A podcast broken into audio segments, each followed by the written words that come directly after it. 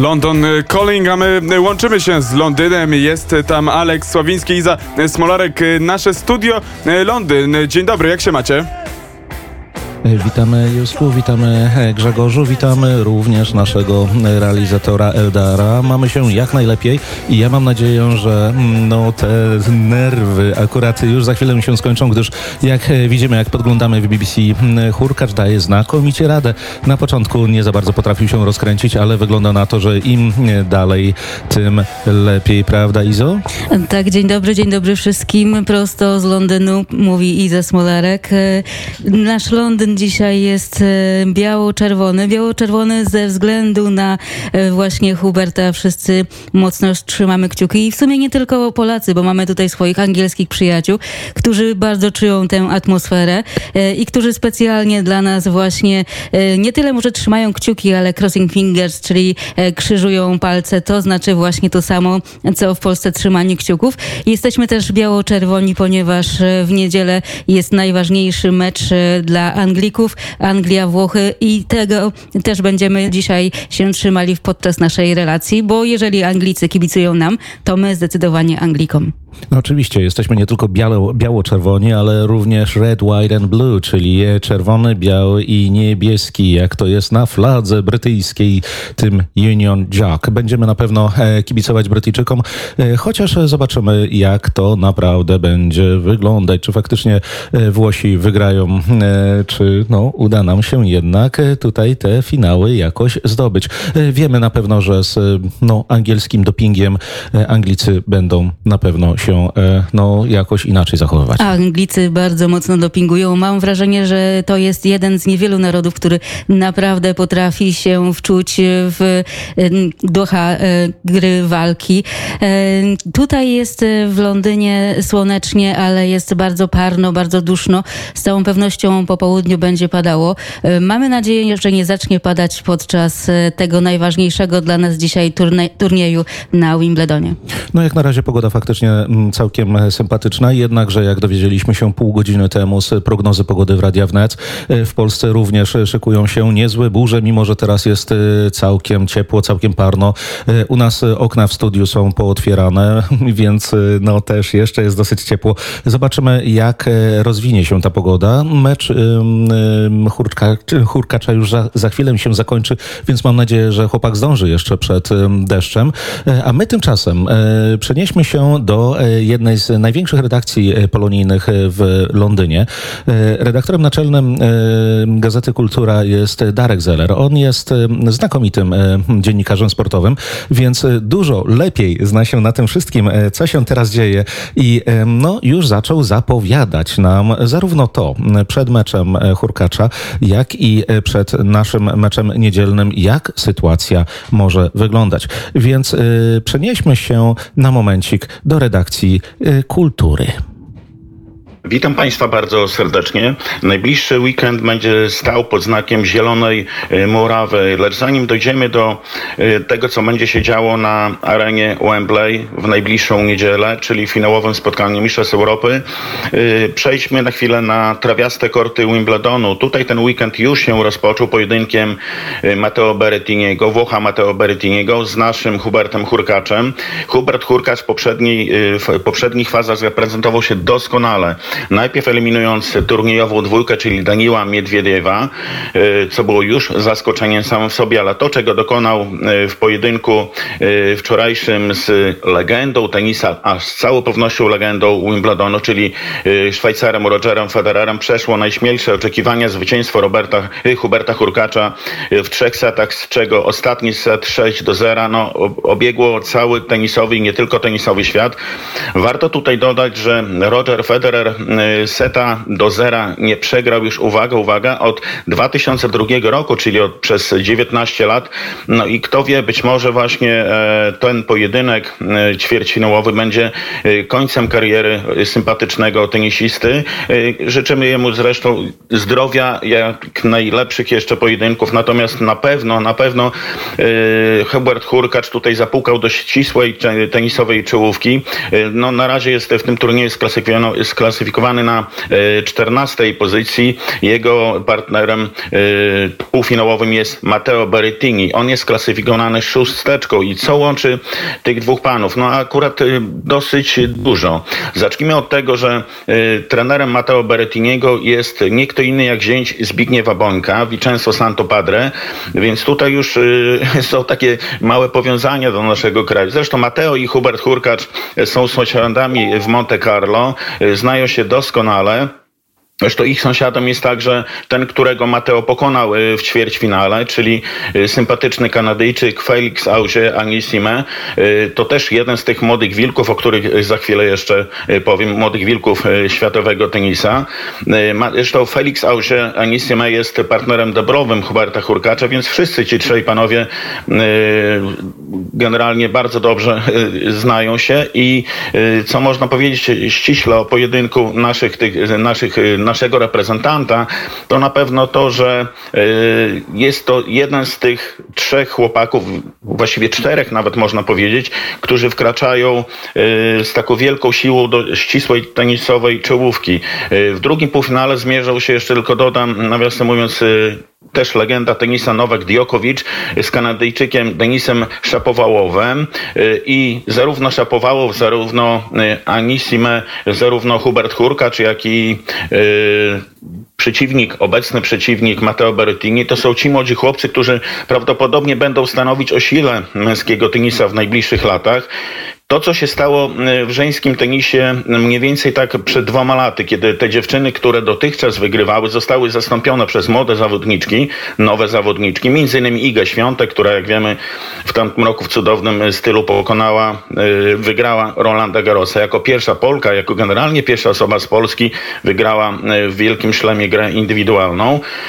No i to samo dzieje się chyba na naszych oczach właśnie w tym roku ponieważ ci zawodnicy, o których wspomniałem, plus jeszcze można tam byłoby wymienić e, kilku chłopaków, oni wkraczają z wielką siłą do, do ścisłej tej czołówki i to, czego dokonał akurat Hubert Hurkacz w poprzednim y, starciu z Rogerem Federerem, było tak znamienne y, i to był taki akcent położony na to, że my teraz wkraczamy, my jesteśmy młodzi, my będziemy teraz rozdawać karty. Czy tak się stanie? Na pewno byśmy chcieli. Serca nam, polskie serca mówią, że chcielibyśmy tak, że na pewno pewno tak będzie, no ale wiara czyni cuda. Trzymajmy kciuki za Huberta Hurkacza. Podobnie jak y, zresztą za Matteo Berrettiniem trzymają kciuki Włosi.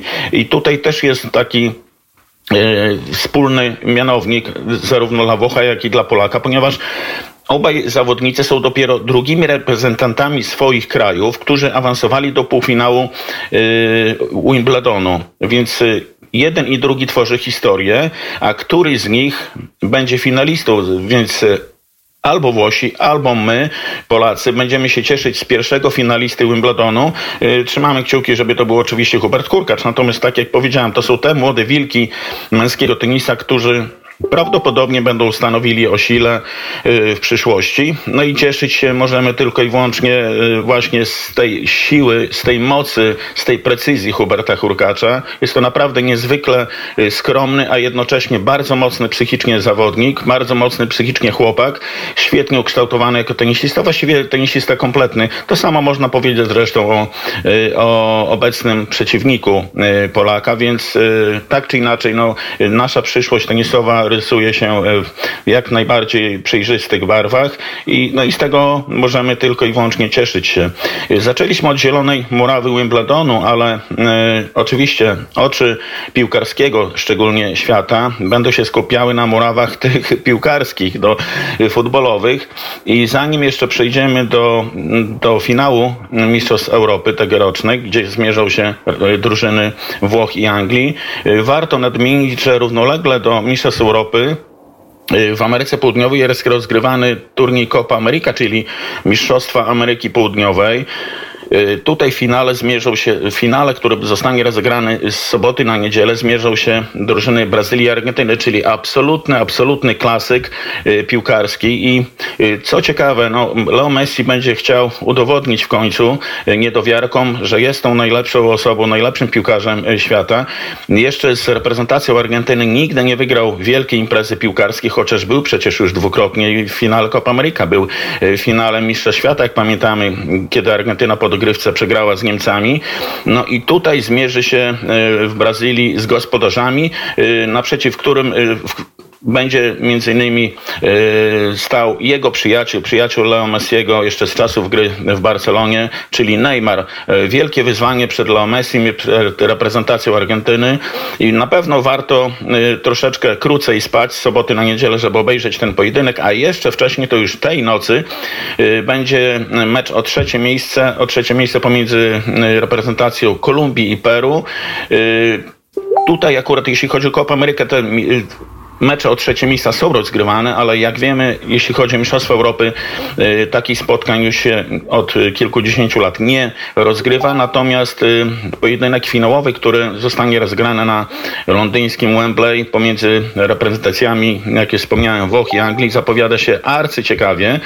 Miejmy tylko nadzieję, że nie będziemy świadkiem kontrowersji takich jak były w spotkaniu chociażby półfinałowym y, Anglii z Danią. No, chodzi oczywiście o kontrowersje sędziowskie, o kontrowersje zachowania Rahima Sterlinga, nie, mającego, nie mające nic wspólnego absolutnie z zasadą fair play. No ale tak czy inaczej Anglicy są w finale, pomijając już to wszystkie kontrowersje, zaprezentowali się we wcze- wcześniejszych meczach doskonale, no ale naprzeciw nich stanie y, zespół który jest mieszanką rutyny z młodością, mający chyba najlepszą parę stoperów y, tych mistrzostw, y, czyli Kieliniego z Bonuccim, y, czyli fantastycznego, usposobionego z przodu Federico Chiesa, syna Enrico Chiesy, zresztą swojego czasu y, jednego z najlepszych y, reprezentantów piłkarzy włoskich, więc y, Włosi na pewno się postawią. Na co możemy liczyć w finale?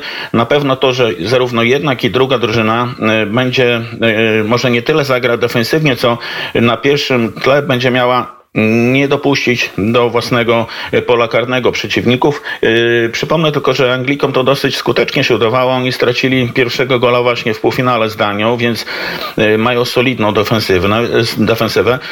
równie solidną mają Włosi. I teraz tylko kwestia tego, czy to będzie dysp- dyspozycja dnia decydowała, czy ustawienie, bo zarówno Roberto Mancini, jak Gareth Southgate wiedzą wszystko o przeciwnikach, więc możemy być pewni, że tutaj raczej tej ofensywnej, takiej hura optymistycznej gry nie będzie. Liczmy się z tym, że no, będzie to pojedynek trudny, pojedynek y, siłowy, pojedynek, w którym jednak te formacje defensywne będą grały szczególną rolę.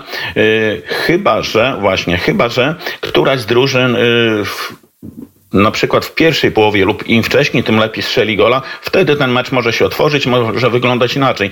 Natomiast jeśli to nie nastąpi, no liczmy się z tym, że może ewentualnie dojść do dogrywki lub nawet y, rzutów karnych, czego chyba byśmy nie chcieli, ponieważ rzuty karne to są, to jest zawsze loteria. Wolelibyśmy, żeby w ciągu 90 regulaminowych minut y, która z drużyn y, swoje zwycięstwo zaakcentowała. No ale kto to będzie, to oczywiście dowiemy się mm, dopiero y, jutro, mniej więcej tak za kwadrans 22. Y, I cóż możemy powiedzieć, no trzymajmy kciuki żeby wygrał po prostu lepszy i żeby nie było już e, więcej kontrowersji, ponieważ jeszcze jeśli chodzi o same kontrowersje, to największą chyba jest organizacja tegorocznego turnieju, ponieważ jak zauważyliśmy, rozgrywanie 12 spotkań e, w 11 krajach no nie zdało kompletnie egzaminu. Niektóre drużyny, jak na przykład e, reprezentacja Szwajcarii, latała ponad 15 tysięcy kilometrów, co jest absolutnym absurdem. Pamiętamy zresztą, reprezentacja Polski też latała do Sankt Petersburga, następnie do Sewilli, e, no, później znów do Sankt Petersburga. Natomiast takie drużyny no, były, jak na przykład reprezentacja Anglii, która teraz w finale rozegra siódme swoje spotkanie, natomiast sześć spotkań rozegrała u siebie. Yy, no, jest to troszeczkę też nie fair względem innych, y, ale to jest kwestia oczywiście organizatorów. Y, Podobnie jak tutaj dużą rolę grały też te czynniki y, lockdownowe, pandemiczne. Y, W niektórych krajach można było y, umiejscowić na trybunach 25% y, kibiców, na niektórych 50%, na niektórych jak na przykład w Budapeszcie, czy ostatnio w Londynie już 100%, więc tutaj też y, było dużo, dużo niedociągnięć organizacyjnych, na które zresztą, no, które wcześniej trudno było przewidzieć akurat, no ale tak czy inaczej mm, mecz finałowy, który, bo teraz skupiamy się na spotkaniu finałowym, no będzie rozgrywany właściwie y, ze skromnym udziałem y, kibiców y, włoskich. Dlaczego? Dlatego, że no takie są akurat wymogi pandemiczne.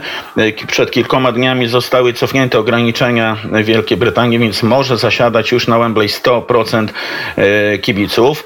No ale większa część to będą Anglicy, ponieważ y, żeby wjechać do y, Wielkiej Brytanii, no trzeba przejść 10-dniową kwarantannę. Zatem możemy jedynie się cieszyć, że w Londynie, Wielkiej Brytanii jest duża społeczność włoska i właśnie to Ci ludzie będą mogli, ci kibice będą mogli zasiadać na trybunach y, stadionu Wembley. Im więcej ich będzie, tym oczywiście lepiej dla widowiska piłkarskiego. No i na tym będą musieli się skupić y, y, oficjele z Federacji Europejskiej, ale także i światowej, żeby ominąć w przyszłości takie takie negatywne dla kibiców niuanse.